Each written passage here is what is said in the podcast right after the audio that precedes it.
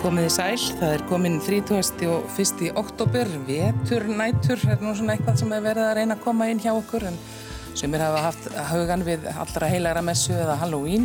En hingað til mín eru komin þau Sandra B. Franks, formaði sjúkliða félags Íslands, Halla Hrund Lógadóttir, stjórnmálufræðingur sem stýrir Norðurslóða miðstöð hjá Harvard Háskóla, en nú hérna samt upp á Íslandi núna þessar dagana og Ólafur Örn Ólafsson, veitingamæður og við ætlum að spjalla svona um það sem að hefur hæst borið í fréttum og atbyrðum liðinar vikuð eins og þetta heitir næsta klukkustundina, þá setjum við hérna saman.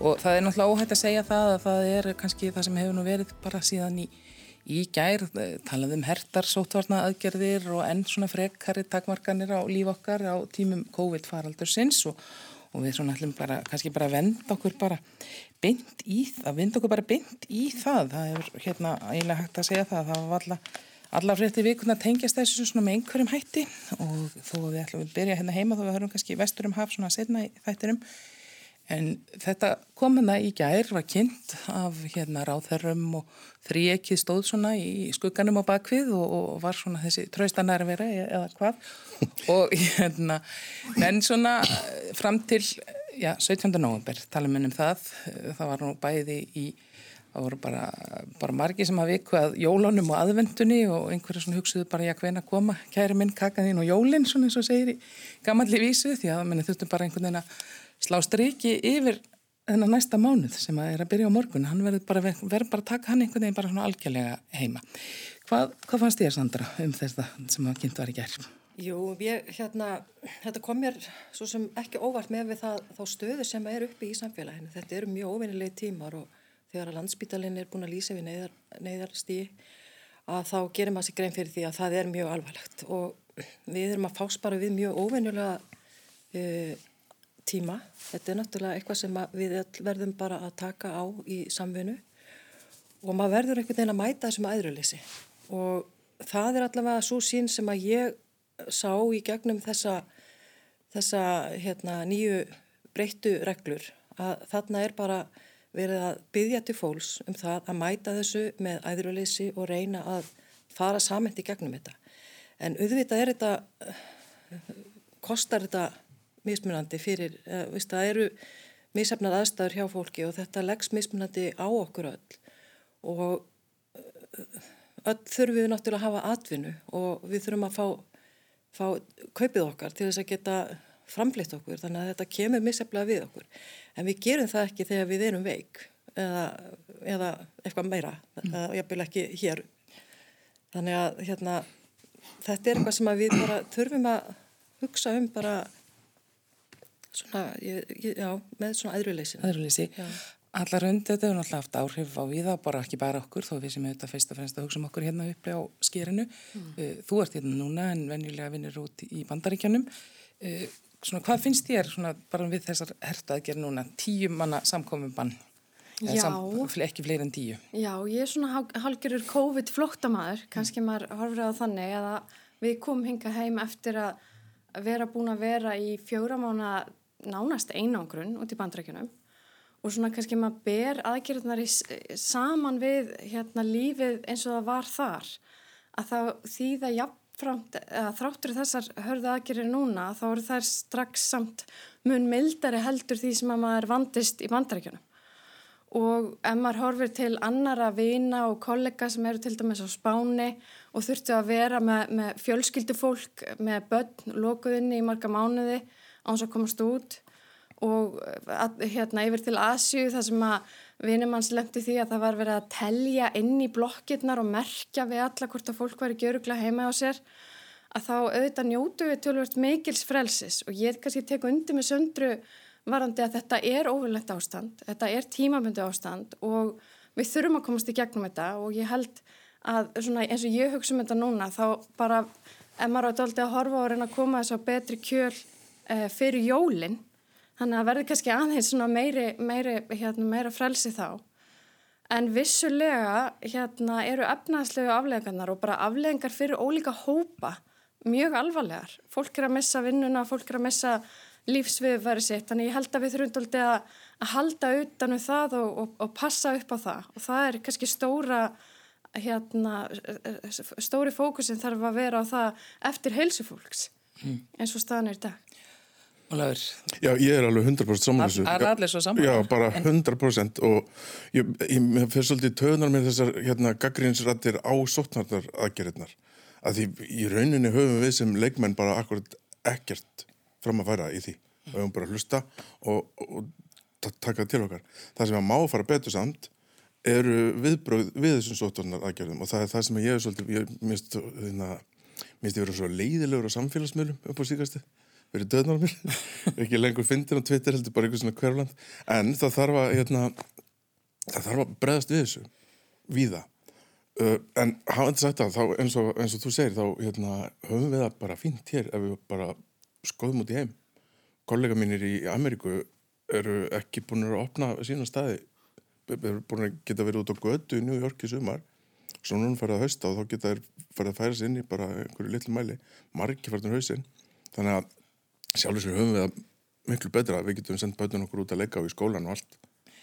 En það voru náttúrulega ekki að líka verið að tala um svona viðbræð hérna efnægslu stuðningu við þá sem að voruði fyrir miklu, miklu tekjufalli og, og þetta kemur auðvitað eitthvað misjaflega niður en, en mjög hart við marga og sérstaklega ekki síst í þínum geið. Já og sko í mínum gera er þetta, þú veist, maður þarf ekki að vera með neitt mestarapróf í, í viðskiptafræði til þess að fatta að þú verður eitthvað veitingastar sem venilega tekur hundra manns að þú getur haft tíu og þú þarfst að hafa kannski tvo-þrjá starfsmenn sem þýðir að þú getur haft sjö gesti það, það er ekki að bera sig. Það er bara, það er svo einfalt. Ég er að vonast til þess að hérna, ástæðan fyrir því að hérna, það er ákveð að hafa hafa opið er til þess að halda upp einhverju þjónustustegi fyrir fólk. Það, ég veit ekki, af því að okkur hefur aldrei verið sagt það. Þetta blasir samt svolítið svolítið við veitingamennum að hérna uh, að þetta sé, þú veist, ok, nú erum við allavega að lega okkur að hafa tíu þið verður að reyna að bjarga grútið bara sjálf og gangi okkur bara ofsalega vel. Mm. og það er, það er ekki gott sko. Það reyndar kom í gær, gær kom, hérna, kom frétt sem að mér sínist svona í fljótu bræði á þess að hafa rínt alveg mikið í hana með einhverjum, með einhverjum mér fróðari fólki að það dögi ágætlega fyrir marga. Það, hvað þetta heitir, viðspilnu styrkur. Viðspilnu styrkir og tekjufallstyrkir og, já, og, og þetta þannig hins vegar miðast tekjufallstyrkurinn við hérna april til núna og það var bara fínt að gera hjá öllum í sumar. Mm. Þannig að þú ætlar að taka 40% teikjufall yfir þetta tímabil, meða við tímabilið fyrra, þá ertu kannski ekkit í svo slæmi málum. Fyrir utan að ef þú ert með 39% þá ertu alveg jafn slæmi málum og svo sem 42% sko. Það er náttúrulega alltaf einhverstað sem mörkin er Já, auðvitað þurfa mörkin einhverstað að vera en þetta er það, það sem ég hef svolítið verið að kalla eftir er að veitingfólk sem bara hreinlega haft svolítið tekið mark á þeim og við sem bara þetta svolítið með. Og það hefur ekki verið sko. Þú veist, fréttir af, þú veist, við byrtum fréttatilkynningu, það voru 70 eitthvað næstum því 80 veitingastæðir sem að skrifa undir yfirlýsingu og bara ákall til stjórnaldum um aðstóð og þetta rataði inn í sko matarfréttir á mokkanum bara hliðin á næs uppskritt og muffum og ykkur þú veist það er svolítið eins og okkur finnst svolítið eins og þetta sé bara eitthvað svona hobbybransi mm. og það er bara alls ekki. Það er mjög mikið fólki sem hefur bara aðtunni að þessu og er búið að menta sig í veitingafræðum kokkar og þjónar og alls konar svona fólk sko. En heldur þau að þetta eins og þessi, þessi styrki sem eru sem miðast við sko tekjufall eða lokun mm -hmm. uh, menn eru kannski að reyna að halda dampi samt og, og það var nú viðspyrnu styrkirni gengur út af það að menn getur svona við, við halda einhverju lámarkstar sem heldur það muni samt margir bara loka og maður sér að ímsir eru þegar búinir að því sko. Já, ég, ég var aðeins eins og segi, ég er ekki búin að rýna í það hvernig þessi styrkir döga eins og mín fyrirtæki sem er alveg pínu pínu litið en veist, langum, við erum með fólk í vinnu sem finnst ekkit gaman að hanga heima hjá sér. Þannig að þetta langar okkur að hafa opið en ef það er meira streytuvandi heldur en að hafa lokað þá sennilega lókuðu sko. Mm. Og þá þetta eftir að koma aðeins í ljós, þetta er svona til 17. november, já. núna þessar takmarkanir, það er heil langur tími. Já, já, og við þurfum bara að setjast niður og anda djúft og vonað besta vegna þess að við ætlum ekki að fara að lokað í desember. Mm. Við þurfum að komast í síldin okkar og þetta allt sko. En það er svona, maður reyndar eins og ég segi, mér varst alltaf aðtilsvært í gær hvað var hort langt mikið fram til jóla eiginlega, uh, Sandra það var bara svona einhvern veginn sem maður bara við verðum alltaf bara að hafa eitthvað, alltaf þarf maður eitthvað að hafa til að hlaka til og, og nú er það jólin en er ekki, sko það er mjög erfitt fyrir marga að takast á við núna, þess, þennan tíma núna næstu þrjár vikur bara í algjör, ló- eh, já, í enn meiri einhvern heldur en hefur og, og þó að margir hafi breytt sínu sko hátterni og, og svona sína hegðun, þá er þetta samt enn meiri þungun. Já, það er það. Þetta er náttúrulega greiðalega krefjandi að vera í einangrun og, og líka í sótkví bara, og það segir sér sjálft að það er náttúrulega ávið, veist, þetta fer mismunandi í fólk að hérna, takast ávið það að vera einn með sjálfum sér og þegar maður er í einangrun þá eru við bara lókuð frá umheiminum að því leita við getum ekkert verið í snertingu við annað fólk og við erum bara þannig gerð að, að þurfum við að vera innan um aðra. Þannig að þetta reynir gríðarlega á og, og, hérna, og fólk fer bara misafna í gegnum þetta og þetta mun reyna mikið á bara andlega hilsu fólks. Og það sem að maður sér í kringun sig að, að fólk er einmitt svolítið svona statt þar að það þarf að að vera í þessum uh, hérna, tengingu við uh, fjölskylduna sína og, og vini til þess að halda bara þessu geðslægi og, og, hérna, og það að vera með í andlu jafnvægi skipti máli bara fyrir okkur öll og maður sér það bara sjálfur að þegar maður áður en ég fór að vinna sem bakverður að þá fór ég að vesla, ég gera það ekki núna þegar ég er alveg í svona má segja sjálfskeipaðar í sótkví vegna þess að ég bara fer á minn vinnustad sem er hérna nýjum fórsvögi og svo heim og ég fer ekkit annað, ég kom bara hingað, ég ger ekkit annað en bara að passa mig til þess að verja mig gegn því að, að smita ekki aðra. Og og hérna þegar maður stendur í þeim spórum að maður þarf að, að hérna að e, vera svona eitt með sjálfum sér þá, hef, þá nýti ég þó þeirra réttinda ég hitti annað fólk í vinnunni. En ég sé það líka þegar að fólk er að fara að vestla eða gerði það áður en ég setti mig í þess að sjálfskeipu sótkví að þá hérna e, bara fann maður fyrir því að bara almenningur sem að var inn í búðanum það var svo það var svo hérna óþólumótt og það, það setti sig upp á móti jafnvel bara sakleysum hérna afgriðslumanni af því að hann var svo pyrraður yfir því að hann var spurður að því hvort hann ætlaði að greiða með peningaða korti.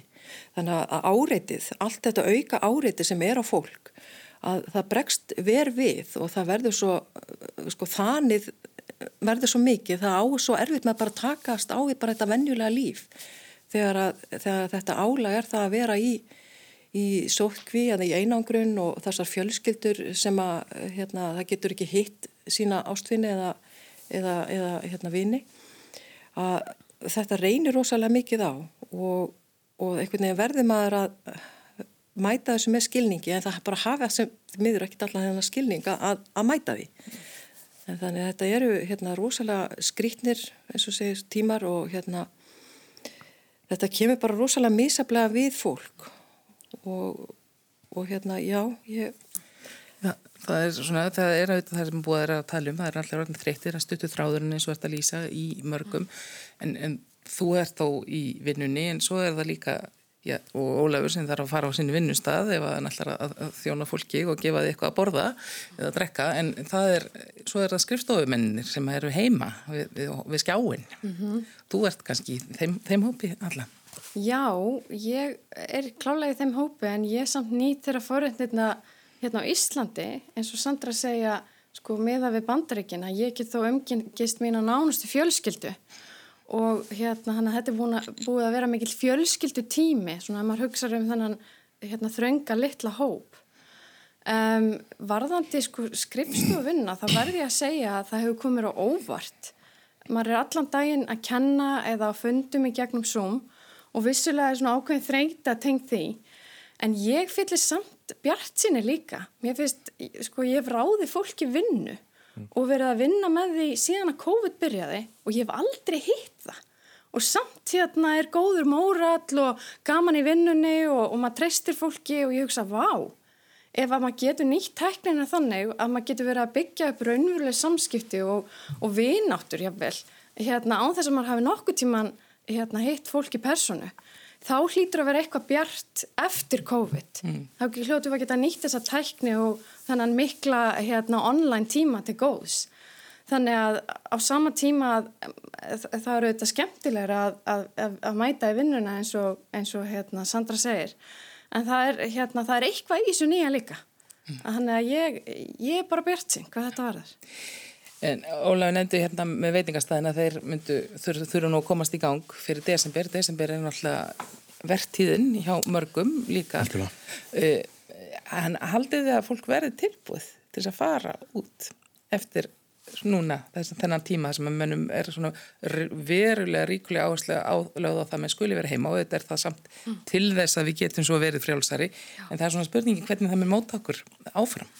Já, ég get sagt sko eftir þegar við komum heim eftir að hafa verið þarna í hvað fjóra, fimm mánuði alveg einn í bandrækjunum og það voru alla veslanir og allt lokaðar að þá, ég man í fyrsta skipt sem ég fór inn í kringluna og mér fannst það svo óþægilegt að ég bara hérna uppleiði það að að maður bara var óvanur því að vera hérna í kringum fólk og annað eftir hennar tíma. Þannig að ég held að taki kannski smá tíma en ég myndi nú samt segja að Íslandingar séu svona frekar þystir í þessa jólaháttíð og séu tilbúinir ef að, ef að þríekið gefur grænt ljós þá held ég að fólk sé fljótt að flagga hérna grænafánunum og drífa sér á stað. Mm, Hvað heldur þú Sandra með það? Já, ég held það. Ég held að ég tek undir með höllu með þetta að hérna, við erum þyrst í það að vera innan um aðra og okkur hérna, við, já, við nærumst á því að vera í samskiptum við aðra og ég held að við verðum bara frelsinu fegin og ég kannski ekki flikkjumst alveg hérna laugavegin á, á þólvastmessu í því mæli sem verið hefur en, en í þá þeirri mynd að fólk er tilbúið að fara á stað og hérna, já, ég held að En þetta mun samt ábygglega hafa einhver áhrif. Ég held að menn séu ekkit endilega tilbúin búin í hlaðborðin, sko. Nei, Nei, ég, Já. það, og það er bara allt í lagi. En ég man nú bara, hvað var ekki, 5. mæ sem að var aflétt fyrstu dagmörkunum. Um það bil, við ætlum ekki að muna það nákvæmlega. Já. en þá bara var karnivalstemming í bænum, sko. Já. Ógeðslega gaman. Það söknuði þess allir að hitta fólk og var fullt hús hjá okkur. Og við vorum, þú veist, þá var reglan svo að fólk þyrfti sjálft að geta tökja metra fjarlæðu eitthvað. Þannig að það var bara fullt hús og Já. brjálega að gera. Þannig að þú ert svona, þú heldur að ef Ég held- þrauka þetta, þá bara eins og muni þetta þeir, verða. eins og þeir að segja að hérna, fólk er bara félagsverður við bara þurfum, við þrýfumst á samskipt við aðra og þegar ég er búin að vera ekki í vinnunni í einhver tíma og eins og þarna í vor þegar það var loka bara reynlega bara, mann vantar bara þetta interaksjón við fólk. Sumir tóku þetta svona svolítið, bara jafnvel svolítið til sín að alltaf búið að fjalla svo mikið í vor um, um höggin á, ferðarþjónustuna og veitingageran og þeirra var svona aðeins rýmkað og, og menn, mönnum leið líka svolítið eins og þau væru eina, öryggir og einangrir í sinni búblu. Og fólk, Íslendinga voru mjög duglegir sko í svimar, en sumir hafa sagt talað um að það hefði kannski verið innan gæðslapa svolítið svikalogn fyrir geiran. Já, nei, sko, það var bara mjög gott að fá inn tekjur í sumar, mjög gott og fólk var mjög mikið að fara út að var, reyndar, það var einhverju svona sem kom og, og hérna vildi fá alls konar einhverju afslætta því þeir eru nú að koma að bjarga okkur, sko. Já, En þú veist, bara... ég ætla að bjarga þeirri samt bara að gefa borgað ég, fimmkall fyrir það. ég er nú komin hingað til þess að bjarga þínum business, þú hlýtur að geta að gefa mér einhvern afslætt. Og þannig að, þú veist, það er alltaf, hérna, alltaf einhverjir svartir petrar út um allt. En, hvað var ég, man ekkert hvað er að tala um. Vi, við vorum bara svona að tala um hvernig menn myndi taka við sér. Sko, Já, ég held bara að það sé allir tilbúinir bara í starthólunum. En hins vegar er þetta samt svoleiðis eins og ég veit um, hérna það er eitt kollegi minn sem er venjulega, venjulega með opið fjóra dagi í viku. Og hann er með starfsfólki sitt á hlutabótuleið og það gengur, þú veist, ekkert vel. En svo núna er hann með opið einn dag í viku til þess að, þú veist, að það er bara ekki meiri business. Og núna, það, þú færði ekkert mikið út úr starfsfólki sem að er að vinna einn dag í viku. Það tekur þið alveg, veist, lungan og deginu bara að koma þér á stað. Bara nenn að fara á fætur og nenn að fara allt í einu að sinna lífin eitthvað. Þannig að þetta er líka eitthvað sem að við getum alveg hugsað um bara, veist, við þurfum að, fólk þarf að hafa eitthvað fyrir stafni. Já, það þarf svona einhverja virkni líka Já, í, í annars lífinu. bara verð, þú veist, og það maður er bara mjög fljótur að verða bara, hérna, einhverju zombi sofakartablu sem að nennir ekki neinu sem að skipti máli af því að þú þarft ekki að gera nema kannski geta í viku. Ég held að þetta sé bara, ég er svo sem engin sálfræðingur, ég held að þetta sé bara fullkonlega eðlilegt að lendi í þessu, sko. En hvernig hefur gengið svona eins og heimsendingar og svona það sem menn hafa svolítið reynd Það að hefur gengið, já það hefur gengið alveg ágætlega en það er náttúrulega ekki svo löst sem margir vilja að sé, halda að sé. Að það er, þú veist, veitingastæðir eru gerðir til þess að framreiða mat á staðnum. Þannig að eldúsin eru ekki gerð eða sett upp til þess að þú getur verið með heimsendingu. Fyrir utan að það þarf að hérna, þú veist, það þarf að hérna, nika til í verðum til þess að og því fólk er ekki tilbúið til þess að borga sama verð heim til sín eins og að þú ert á staðinum uh, þú, það er erfitt að vera með tvent, ef þú myndir bara vera í heimsendingu þá getur þú búið til einhvers konar svona framlýslu línu bara inn í einu staðni þar og bara gert það. En ef þú ætla líka að vera ágreða matinn á staðnum þá ertu og tekur þetta pláss og er í rauninni held ég fyrir marga meira vesen heldur en tekjur.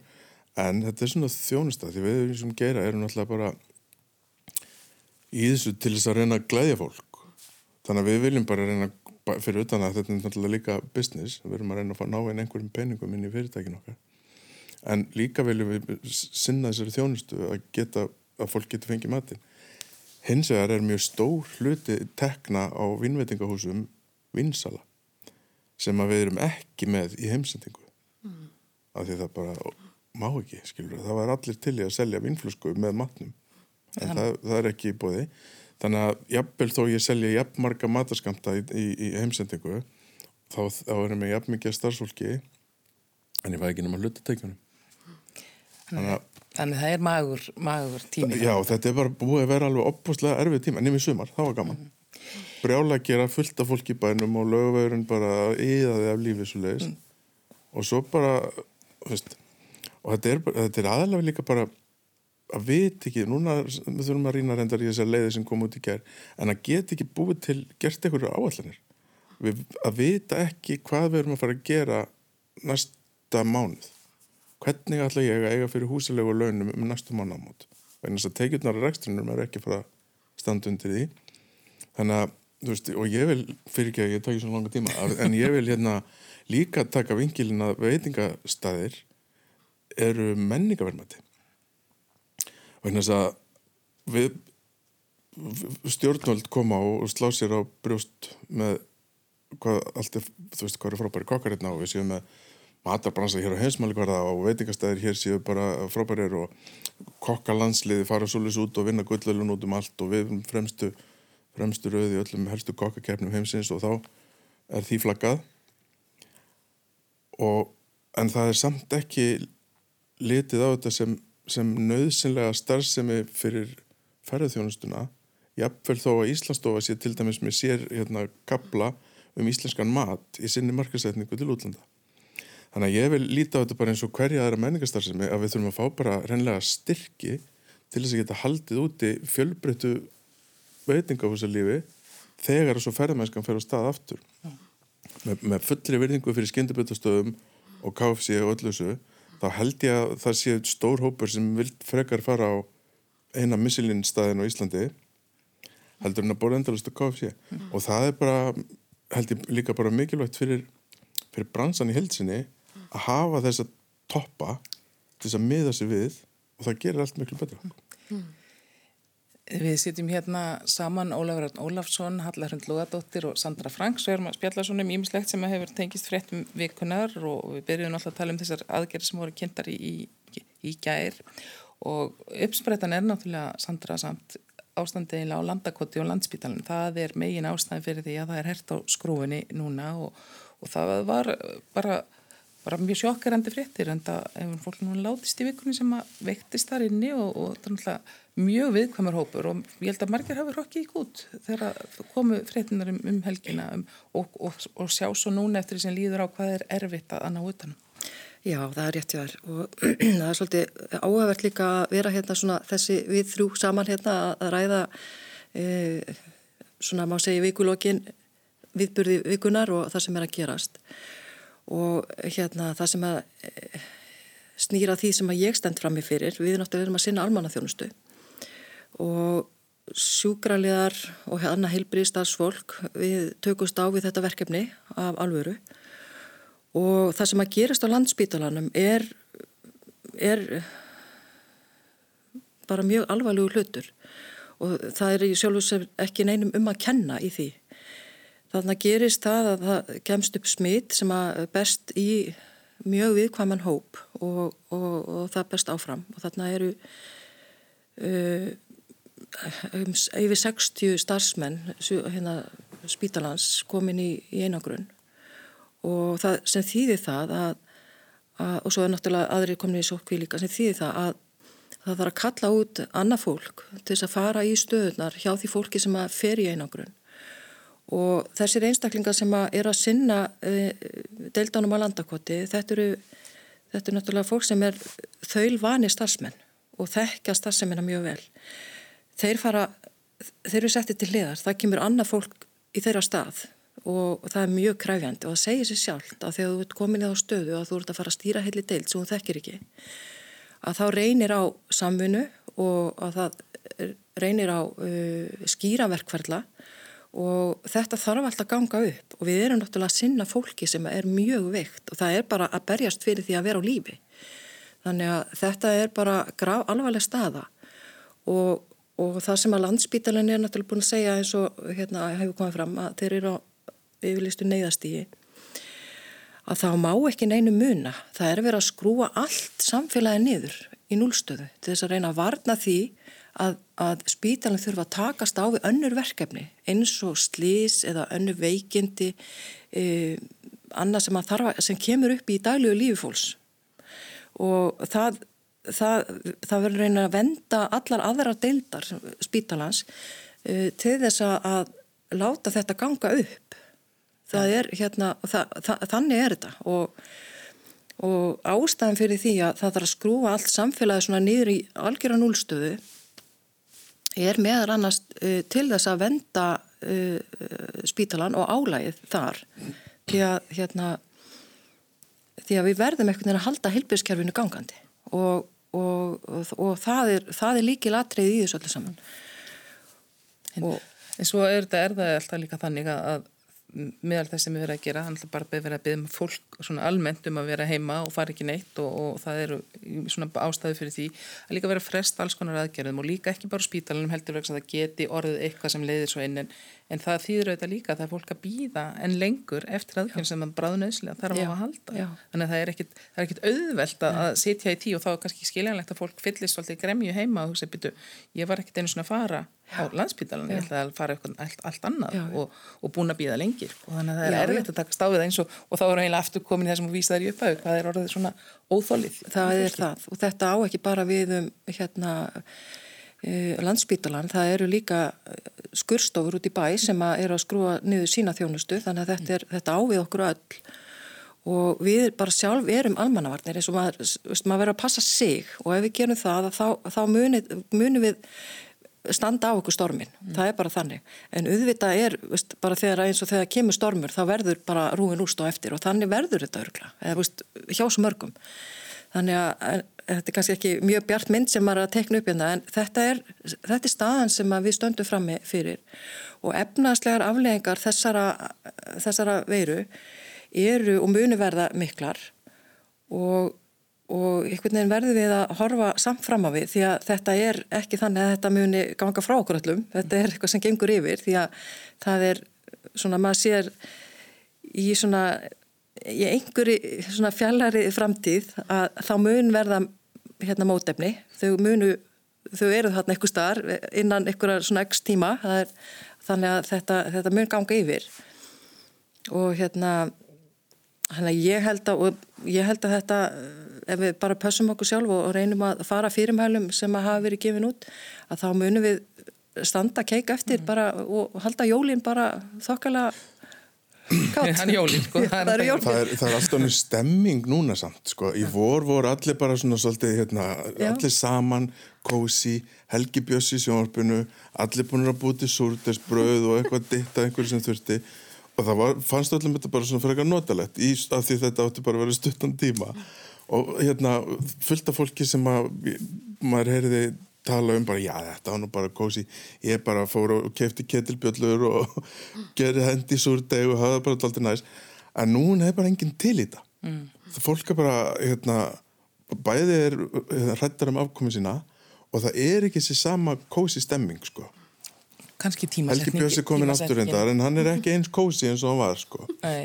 Súrdegiði farið eitthvað þrána Það var ekki sinn móðurni móðurni nú vel og, og svona. Já, ég, ég get alveg tekið undir þetta þegar það er komin alveg svakalega þreita mitt í, í þetta veist bara í, í já. Nú, nú, fyrir, nú ferð þú að vinna núna, eins og þú vísaði til aðan, komin inn í bakvarasveitina og komin inn á, og ert að vinna á COVID-deildin. Hvernig finnst þér að koma inn í, svona, inn á spítalum? Þetta er, þetta er óvinnulegt. Eh, Það er vi- virkilega vel tekið á móti manni, það er ekki það. Þetta er hérna, ég kann vel við starfið og mér líkar vel við það að vera sjúkralið og sinna þeim verkefnum.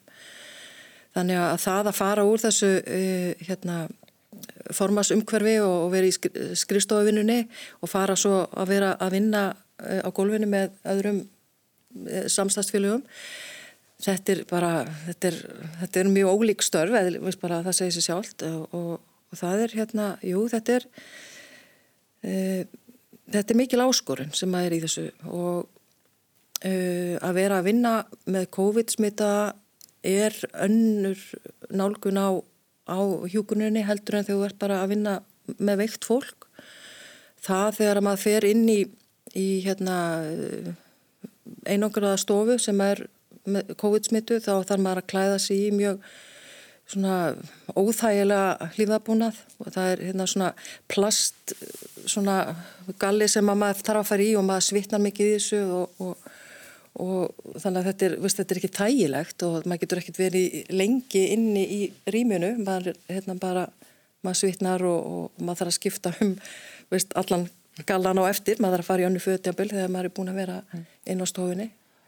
Og líka kannski erfitt svolítið fyrir þá sem eru veikir af því að þetta er allt svo Já. yfir þyrmandi ímyndaði mér. Já, það er sko, það er einhvern veginn þannig að maður nær svo lítilli personlegri tengingu við, við sjúklingin og hann einhvern veginn e, nær heldur ekki personleg tengingu við okkur sem, sem hjúkunarfólk því að hérna, hann sér bara uh, svona manneski í þessum búning og veit ekki hvort það er sama manneskjan sem er að koma aftur eða þannig að þetta er, þetta er mjög krefjandi og maður þarf einhvern veginn að nálgast uh, þennan hóp með öðrum hætti og, hérna, og maður gerir það. Þetta er, hérna, þetta er mjög sérstakt að upplifa þetta og, og mikið reynsla sem að hérna, einmitt, þeir sem er að sinna þessu sem kemur líka í kjölfarið að, að, og þarna í þessu umgjörði sem ég er að vinna í núna og, og hérna 6a sem er þá gamla lúnadeildin og var gerða COVID-deild að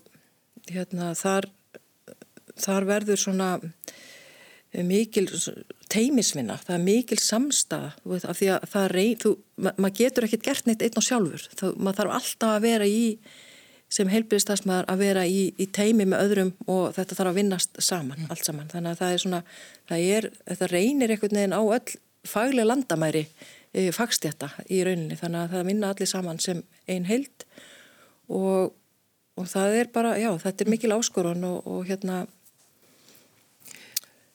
Vonandi verður hún ekki mjög langvinn. Nei, vel, ég hef tilfinningu fyrir því að þetta muni uh, fara rætt niður á við svona þegar það fer að fara niður á við. En við þetta svona blessunarlega fylgjumst flest bara með þessu svona í gegnum miðla og þá er maður að heyra eh, það eru svona daglega tölur og, og þetta er sko alltaf verið að segja manni hvað séu margir smitaðir hér eða, eða margir hafi smitast fyrst og fremst hérna og meðan það ekki hittir mann ekki sjálfa fyrir einhver aðra og svona kemur, kemur svolítið svona hjúk í þetta en, og svo koma þeir utanur heimi líka þessar fréttir um það. Hvernig upplifir þú þetta allir Já, ég myndi segja svona í sammynginu við Ísland að ég held að sé til alveg afskaplega mikils að vinna að við náum þessu niður núna af því að við erum eiga, við erum fámenn en ef við náum tökum á þessu núna að þá er þetta langklaup við getum alveg hort á það ef við horfum á sko þennan COVID-tíma í heildina, þetta er allavega ári viðbóttangu til að bólefni er komin í einhverja almenna dreifingu, svona með við þess frétti sem að maður hérna heyrir og fylgist með. Þannig að það að ná tökum ástandinu hérna á Íslandi getur skapað svo ótrúlega mikið lífskeiði fyrir okkur út þann tíma. Ólíkt því sem við sjáum til dæmis í bandrækjunum. Það sem að, að þetta er svo mikið fjölmelni, er svo mikið flæðamilli fylgja, eru svo ólíka lög, ólíka reglur og hefur verið allt önnur nálgu þegar kemur að ákvarðanatöku. Við erum ekki með þar hérna þrýegi sem að kemur fram, tekur ákvarðanir og það er hérna þeim er framfyllt. Þetta eru svo, hafa nú í fyrsta lagi ekki verið mikið hérna hlusta kannski á vísindin svona í ákvarðanatöku hjá hérna á fórseta leveli en, en hérna líka við horfum ólík fylki og, og ólíka staði þá hefur nálgunin verið hérna misjöp sem að skapar eh, margar áskorunir mm. þegar þú þarfst að takast á við svona erfitt og flókið uh, vandamál. Mm. Menn hafa stundum að tala um það svona kannski upphafi hérna þá var bara strax talað um það, þetta var sótvarna yfirvöld og, og, og svona kynningin og aðgerðum var mjög mikið í handum þeirra svo koma svona politíkusnir aðeins og eftir það hefur ekki alltaf verið, ekkert verið þannig heldur allstaðar mm -hmm. í, við á Norðurlundunum þá hafa fórsættisraðan svona þessi politíska ráðamenn verið meira í, í forgrunni mm -hmm. þegar er verið að, að kynna þar aðgerði sem eru náttúrulega endanum pólitísk ákverðin sem eru teknar en þetta er ekki alltaf sami bragun alltaf en það verður svona samt svona hafa orðið kannski sem að þessi nálgun hérna hafi skila því að, að margir svona bara hvernig sem byrtist í gær, svona bara tröstið til yfirvalda og umfjallanar og, mm. og það er ábyrgandi meira hérna í okkar litla samfélagi. Já, ég held akkurat að, að það að, að almenningur hefur getað treyst í að upplýsingarna sem berast í gegnum þessa reglu upplýsingafundi eru, þetta eru upplýsingar sem eru byggðar á rannsóknum, á vísindum og öðru, öðrum upplýsingum. Þannig að fólk treystir þeim fræðum. Á meðan að þegar þú ert með pólitíku svona kannski meira að fronta þetta svona dagstælega að þá er auðvitað pólitískar skoðanir og nálganir og, og áherslur hér, ólíkar og fólk kann misi vel við pólitíkusa. Þannig að það kannski flækir umræðina hérna miklu meira og, og kannski skapar hvað ég segja minna tröst eins og þú segir. Þannig ég held að það hefur verið gæfa að, að, að hafa vísindamennina í frontinum en eins og segir samt sem áður að það eru þetta pólitikusinir sem að síðan bera endanlega á, ábyrð og, og vissulega hefur maður kannski hérna maður tók eftir þessari breytingu með fundin núna að, að þá voru pólitikasinir meira í forgrunni. Og, og við erum auðvitað komin út í hérna landslag þar sem að þetta snýst ekki bara um sóttvarnar aðgerðir, þetta snýst um efnahas aðgerðir og, og viðværi fólks og svo framvegis. Þannig að held, á þeim tímapunktur auðvitað eðlilegt líka að, að pólitíkusinu séu meira í frontinu mm, mm. en, en í grunninn eins og ég segi að, að almenningur geti treyst því að upplýsingarnar á bakvið ákvörnunum sem varða, er varða sóttvarnir byggja á fræðum og vísindum. Það er ótrúlega mikilvægt fyrir, fyrir þetta tröst mm það er náttúrulega, svona hefur heyrst svona undanfarið svolítið kurr og út af því menn séu þreytir og það sé ekki alveg, þú veist, og þó menn segi alltaf í öðru orðinu, já, ég minna, það veitu þetta engin hvernig, hvað þetta verður lengi eða hvernig maður bregðast við, en, en við þurfum samt aðeins að hafa einhvern fyrir sjónleika og, og geta planað eitthvað fram í tíman, sko, en, en þetta er bara mjög erfið og ósamræmanleg sjónamið kannski að sömuleiti, ólega. Já, örgla. og segðu nú og svaraðu nú. Já, já, nei, þú, eh, sko, þetta, já, það er í rauninni, þú veist, það er ekki takt að segja við og, og ég blæs á það að einhverjir kallar út í bæ komi og, og tala um að þeir viti betur heldur en sóttvarnar auðvöld.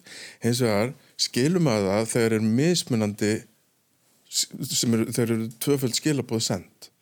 Þegar lækna teimi segir eitt og viðbröðin eru önnur og svo þeir eru farið að bera saman mismundi íþróttir. Maður fattar alveg af hverju af hverju fólki finnst það óþægilegt og fer að fetta fingur út í það. Mm. en ég vil alltaf bara, ég, ég er bara svolítið skerður, ég trúi því bara í hjertanu allir sé alltaf að vanda sinni smikið eins og ég geta. Þannig að hérna, veist, þetta fer alltaf einhvern veginn. En það má alveg veist, efnahags aðgerðunar, þar eru líka orðið allir að vanda sem mikið eins og geta, en það þarf að hugsa bara að við þurfum að geta gert áhaldinu fram í tíman. Mm. Rétt eins og ríkisjóðu þarf að geta gert áhaldinu fram í tíman með sitt. Við erum bara, þú veist, pínu lítil, sko einirkjar og lítil fyrirtæki hafa ekki fengið úrræði fyrir en þó kannski núna helst.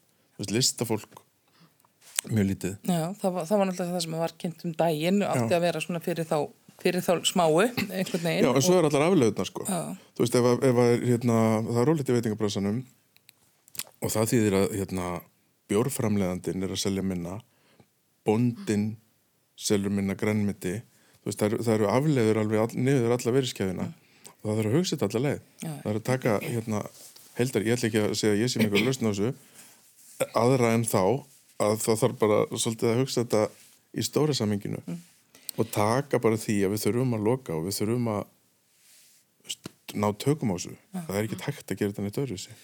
En svo finnst mér líka, ég er, var að velta þessu fyrir mér um daginn, hvort að, þú veist, það er gott að fá upplýsingar, en er endilega gott að fá svona mikið af upplýsingum. Mm. Ég, sko, bara hugsa bara því saman við börnum mínum daginn, þau tengja COVID bara beint við dauða vegna þess að á, hérna, á blagamannufundum þá er komið í dag eru x mörg smitt og það eru svona margir á spítala og það eru svona margir í, í öndunum vel og það eru svona margir sem hafa dáið. Þannig að í hérna, huga batna kannski þá er þetta bara, það eru svona margir smittaðir og þú derð. Þetta, en, þú veist, þetta er svo svartkvitt sko.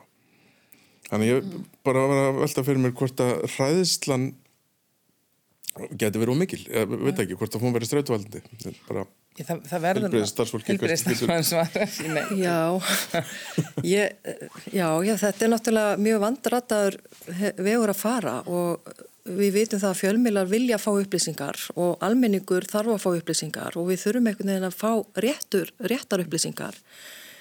Og auðvitað náttúrulega eru börnin áherindur líka og hlusta á þetta og, og þar þurfum við verulega að vanda okkur því að eins og segir að, að það er ekkit óeðlilegt í það að, að börn sem að hlusta á þessa umræðu að þau tengi þetta við, við, við dauða eða veikindi og, og það, þannig er það.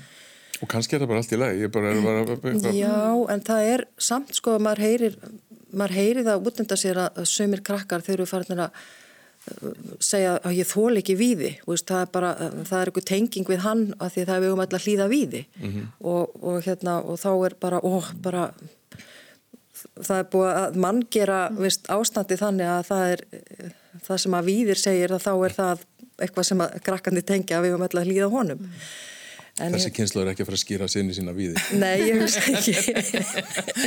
en þetta er auðvitað náttúrulega bara, er þetta alltaf þegar að, þegar að svona endan er komið, þá er þetta náttúrulega ábyrg fóreldra að tala við börni sín og uppýsa þau um það hvernig mm. þau eiga að nálgast þessa umræðu og, og tala þannig til þeirra. En auðvitað þegar að krakkar eru líka settir í sótkví, það er náttúrulega, þetta er smitt í skólanum og og krakkarnir eru náttúrulega bara svona viðkamir Já. og þurfa félaga og meiga leika og svona að það, að það er ekki tægt að setja það í ykkur eh, nálaðareglu, það er bara verða að vera í ná Sveimir alltaf hafa lendið því síendu tekið þessu, var hérna um daginn Einmitt. Ég tók eftir því að mitt í bandaríkunum að stótti mín hitti ekki annað batn í fjóra mánuði, það var engin að leika, var bara algjörlega maður var hún sér þjálfaður í eldingalegjum, bara að hlaupa að fylla upp í þetta barna skarð og svo tók ég eftir því að, að því úrst að tala um þessi áhrifabötna hérna, þegar hún átti að ammali núna eh, fyrir nokkrum vikum og þá spurðu við fóreldarnir hvað henni langaði ammaliskjöf mm. og hennar framlag, hennar ósk var að COVID væri búið ja. Og þá sér maður svona doldi, þú veist, hvað er svona on top of your mind, það var mm. ekki eh, hérna, einhver, einhver, eh, þú veist, einhverja sérstaklega gafir, þetta var það sem maður þyrta að komast í fyrstu mm. En ef við horfum aðeins þarna vestur um haf, það á að kjósa á þriðdægin í, í bandaríkunum, þó reyndar eins og markaðu komið fram að marga miljónir nú þegar búin að kjósa í postkostningum og menn farin er að velta ímsu fyrir sér í sambandi við þær. Skoðanakannanir svona hafa sínt að það er, já, að við stefnir í það að bæta en vinni en þó er menn svona, menn hafa fyrirvara á skoðanakannunum. Hvernig, hvað heldur þú? alla, um, um úrslitin sem að verða ráðast reyndar ábyggil ekki á þrjúðdægin heldur einhvern veginn að setja í vikunni eða hvað Já, það er eins og lýsir það er auðvitað mikil spenna í, í kringu þessi mál akkurat núna í bandarækjunum og svona eftir kostningarnar ég, við byggum úti líka sagt, 2016 það sem að maður lærði það the hard way, sem maður segir á góður íslensku að skoðanakannanir eru auðvitað alltaf bara skoðanakannanir og ég held að það sé mikilvægt að við býðum og sjáum hvað kemur á endanum upp úr kjörkassunum hérna í næstu viku. Þetta verður rúglega tölur tími að, að, að sjá úslitin, það fer svona aðeins eftir hvernig þetta þróast. En þetta hafa verið auðvitað sko mjög óvennulegar hérna kostningar eða sem sagt kostningabarta Um, við erum að sjá það að, að frambjóðandur eru að, að, í sinni kostningabartu mest, allavega demokratamegin, mest að heiman. Uh, þú nefndir hérna atkvæðin sem eru greitt eh, fyrirfram. En maður horfir á tölunar, uh, heldar fjölda þeirra sem að kusu 2016 helmingur af þeim fjölda er þegar búin að greiða atkvæði núna, annarkvort með uh, pósti eða sérst, í, í personu fyrirfram. Þannig að eins og stanur akkurat núna þá stefnir í met uh, kostningaþáttöku en hins vegar eru svo miklir óvæssu þettir sem að tengjast kjördeginum sjálfum. Það eru hérna, það er óttið að það verði ofbeldi á kjörstöðum. En nú er metfjöldi talandum COVID, það er metfjöldi smita á hverjum deginun í bandarækjum. Þannig að spurningin er hvaða áhrif hérna, mun það eh, hafa á þáttöku á deginum sjálfum. Þannig að eh, hérna, landslægið er flókið og landslægið er erfitt og líka sko, ef þú horfur á kostningakerfi bandarækina, þetta snýst ekki bara um að vinna heildafjölda atkvæð, þetta snýst um að vinna eh, réttu fylkin og, og svo framvegis þannig að þetta það þarf margt að ræðast saman mm. þannig að ég ætla bara að segja ég, hérna, mað, ég hef bara hugsað mér að býða og sjá og, og, og trú ekki neinu fyrir að það er eh, staðfest og skjálfest. Nú, þú ætlar ekki að spá neinu múrslitin hér, hér og nú. Sko, vissulega benda kannanir til þess að, að, hérna, að bætin muni að hafa þetta með að við sérst, á landsvísu og ólík fylki og, og allt það en ég hérna tók þátt sérst, 2016 þá fór ég í eitt af svingsteitunum New Hampshire og, og tók þátt í í kostningabortu fyrir Hillary. Og þá átti ég að fara og tala á kjósundur sem að væri algjörlega örugir kjósundur og þetta snýrist bara fyrst og fremst um að tala við fólk og fá það til að, að mæta á kjörstað og svo framvegs og það var fyrst þá, þetta var sagt, eitthvað vikuð, eitthvað fyrir kjördag og það var fyrst þá í svona persónlu samtali á hérna við ólíka kjósundur að, að þá heyrði ég að flesti sér talaði við þessum örugu á þessum örgu húsum allum saman voru að ekki að stiðja Hillary, heldur voru að stiðja Trump. Þannig að hérna, maður veit ekki, sumir hafa sagt að fólk jafnvel segi ekki sína hreinu og beinu skoðun í konunum, af því að það vill ekki endilega viðukenna að það stiðji Trump.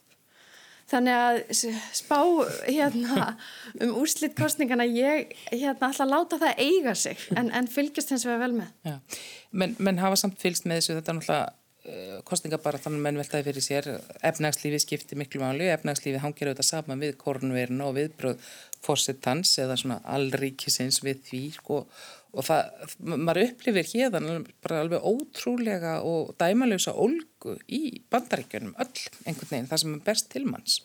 Já, það hefur það er auðvitað mikil sundrung og þess að pólitíkin er mjög pólariseruð, þetta eru anstæðar fylkingar og, og það er lítið samtal þarna á milli. Og ég held svona því að maður hérna sem að við búum þetta er mikil demokrata svona búbla og demokrater upplöfu þetta sem alveg ótrúlega svona sársökafullan tíma síðast, síðastlegin fjögur ár. Og, og þá sérstaklega ef verið að horfa á að það sé búið að vera íta undir, kynþáttahattur eh, orðræk í gargfanna hafi verið hérna mjög slæm og svo framvegis. Þannig að að hérna það er, hvað ég segja, það er mjög mikil olga eh, hvert sem litið er og, og fólk er hrætt núna við kostingarnar, fólk er hrætt um að sama hver vinnur að það verði hérna hreina mótmæla og, og jafnvel eitthvað ofbeldi hérna eftir kostingarnar og, og man, ég man það núna frá því vor þegar voru hérna mótmæla hreinan Eh, tengt lauruglu ofbeldinu í vor að þá eh, upplifum maður það hvað það er óþægilegt þegar það eru svona mikil, hérna, mikil ofbeldi við það um bandarækinn þannig að margir kvíða þessum tíma mm. En er eh, samt svona einhvern veginn það, það líka maður veldur því stundu fyrir sér þetta er sett upp þetta, af, því, af því um leið þá er þetta, þetta stóra viðfæðma land, miljóna samfélag mjög ólíkar aðstæður fólks eftir í hvarðabýr og hvernig það er og, og svo er allt smættað í í kapplöp tveggja manna Já. um það og, og, og hversu miklum hversu mikil úrslita áhrif hefur það á lífumanns og hverjum stað hver og hver vinnur Já, ég, í því samingi ég held að sem rétt, mikilvægt að hafa í huga sem hún segir að bandaríkin eru alveg ótrúlega fjölbreytt og fjölmenn og, og hérna ólík eh, samsetning fólks eftir því hvað í bandaríkinu það ert að horfa. Um, ég, sko, kostningarnar fara þetta fram hérna á lokal leveli og, og, og fólk er að að kjósa um sína fulltrúa líka, aðra fulltrúa á sama tíma.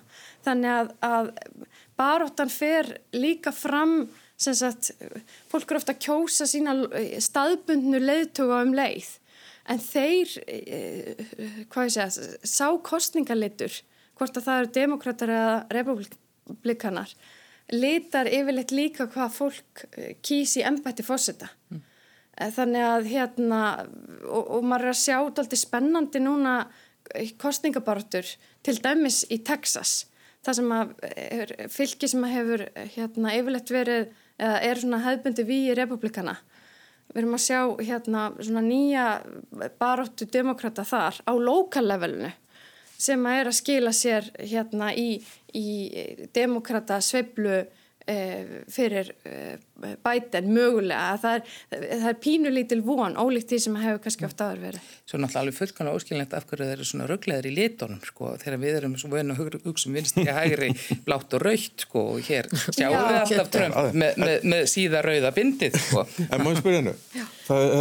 Mann er verið að vera svo opasla pólarsæru um, umræðan einhvern veginn og það sé bara fólk er í töm fylkingum. Er eitthvað á óakvæðinum kjósendum Já, vissulega. Er einhver sem bara, hvort, hm, þetta er, vefst nú verið mér, hvort þetta sé? Já, sko, algjörlega, sko, bæði er, þessar fylkingar takast kannski meira árið þeir sem eru oft og tíðum eru kannski meira virkir í umræðinni. Síðan er það kannski fyrir stærsta hluta bandrækjumanna sem eru kannski ekki að taka aktífan þátt í pólitískur umræðu dagstælega.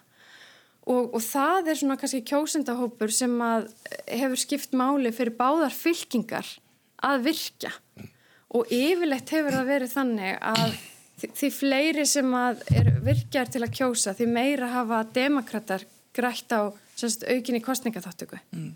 en núna er þetta svo hérna áhugavert og út af eins og, eins og hérna þeir í kringum mig, kollega mínir sem er að vinna í þessum kostningabártum af því þetta er ekki svona líka bara verið að vinna einhverjum kjördegi. Það eru svo margir faktorur í því hverjir hafa verið að kjósa hvenar, til hverra hefur geta höfðað sko fyrir hérna mánuði síðan og hverjir ert að höfða til núna. Þannig að það er, þetta er aðeins annar landslega. Því að nú tala mér líka um, um óakveðna kjóstur, mm. alltaf tala um það að, að Sigur Trumps megi þakka í raun og vera að hann hafi fengið fólk á kjörstað sem hafði ekki verið að mæta áður. Já, þetta er, þetta er annar X-faktor mm. varandi kostningarna núna. Líka út af eh, hérna, COVID og öðru og hérna, hverjir enda á því til dæmis við horfum á, á áhættu hópana í, í COVID. Hverjir, hverjir eru líkleri til að kjósa ekki út á COVID? Mm. Við erum auðvitað líka að tala út út frá veruleika sem er kannski allt annað heldur en svo sem við þekkjum þar sem við erum alveg bara í, í losti ef að kostningaþáttaka fer langt undir 80%. Já, mm. þannig erum við bara að tala um kostningaþáttöku sem er í kringum 50%. Mm.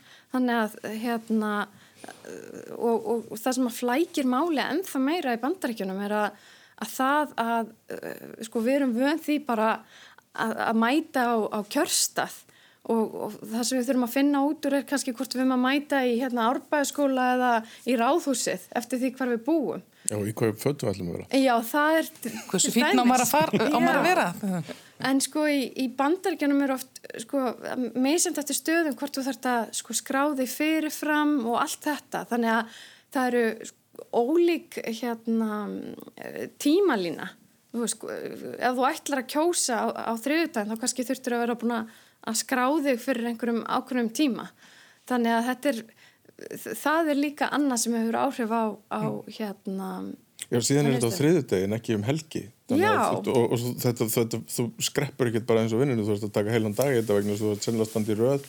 Í, á venjulegum kjördegi þarfst að standa í röð alveg allan daginn þess vegna Hvað þá núna? Hvað þá núna? Já, ne, já það... Sko, Þannig að sko, kostningaþáttakan er líka svona líkilega þáttur í þessu. Já, kostningaþáttan skiptir máli og ég held núna eins og, eins og fólk segir, já, rosa mikið spenna í tengsluðu kostningarnar, mikið ungu fólki sem hefur tekið þátt, bara ef við leitum á hvað margir hafa kosið, hérna frábært, rosa margir kosið, en við veitum ekki hvernig, hvernig þáttankan verður hérna núna á, á þrjöðdægin og, og það er tölverð óvisa um framhaldi þannig að haldið ykkur fast Haldið okkur fast. Ég Já, er mjög þann- spenntur sko. Mjög spenntur, já. Ég við- lep upp allar fyrir þessu. við, við getum haft svona í, í, í lokin þannig að einhvern veginn menn hafa samt mikið fylgst með þessu þannig að það er í lokin er, er spáin sko, Sandra, hvor heldur þú að vinni?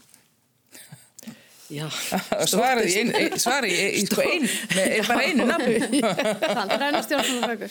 Já, ég er nú reyndar, ég, er mitt, ég hérna, er líka stjórnmálafræðingur eins og Halla og við vorum saman í, í stjórnmálafræðin í galda. En hérna, ég, ég held að, ég veit ekki hvað maður að segja þetta, ég, ég held að bætin skrýði þetta, sko. Já. Já. Ólega, að vona ég að hann bæta vinni og sérstaklega vegna þess að mér langar svo að sjá Kamilu Harris sem fórstæðar sko. Ég held að það verði þetta, þetta, þetta var nú svona svolítið spá kannski fyrir bætan í, í ennbætti það er eiginlega komið að, lokum hérna hjá, hjá okkur þennan klukkutíma og þá er svona rukka fólk í blá endan, hvað ætlið að gera svona? Það sem eftir er degin? Ólega Ég er að fara á græmitsmarkað Östurland Foodcorp nýra á skólagötu og kaupa eitthvað lífrend Eitthvað gott. fínir í. Hörru, ég er að fara heim að klæða mig í, í grímubúning. Við erum með, ætlum að halda í Halloween hátíðina alveg fast og, og vera með smá svona fjölskyldu celebrations, semst við fjögur. Andlitsmáling og, og, og bara metnaður Já. í gangi Sandra Já, ég ætla líka að klæða mér búninga, það er náttúrulega bara COVID-búningurinn. Ég, fer, ég tek hérna kvöldvakt á landsanum. Ég þakka ykkur kærlega fyrir kominu til mín í vikulokkin Ólafsson, Halla Hrund Lógadóttir og Sandra Vangs, veriði sæl